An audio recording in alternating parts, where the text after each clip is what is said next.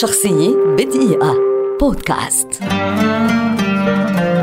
إيكر كاسياس حارس مرمى إسباني شهير ولد عام 1981 ويعد واحدا من أساطير حراسة المرمى في تاريخ كرة القدم العالمية. بدأ كاسياس مسيرته مع الفئات السنية لنادي ريال مدريد في عام 1990 وبعد حصوله على ترقية إلى الفريق الأول في عام 1999 بقي مع النادي لمدة 16 موسما. فاز خلالها بخمسة ألقاب دوري ولقبي كأس وأربعة ألقاب كأس سوبر وثلاثة ألقاب دوري أبطال ولقبي سوبر أوروبي ولقب كأس الإنتركونتيننتال ولقب كأس العالم للأندية. ومع 725 مباراة شارك فيها كاسياس مع النادي الملكي يعتبر ثاني أكثر لاعب مشاركة مع ريال مدريد عبر التاريخ بعد راؤول.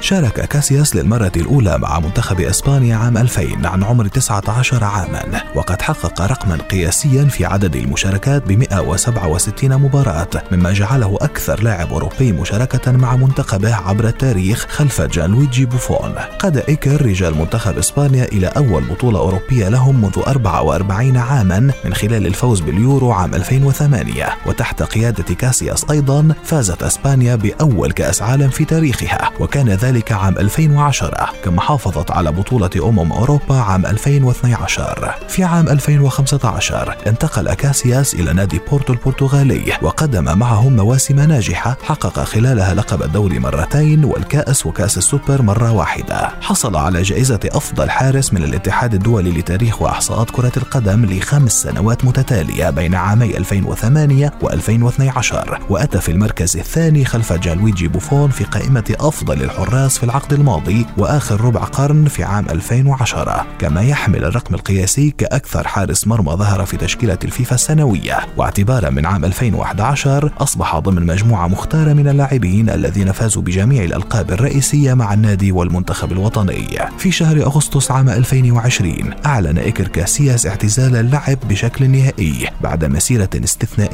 حفرت عميقا في تاريخ كرة القدم. شخصية بدقيقة. بودكاست.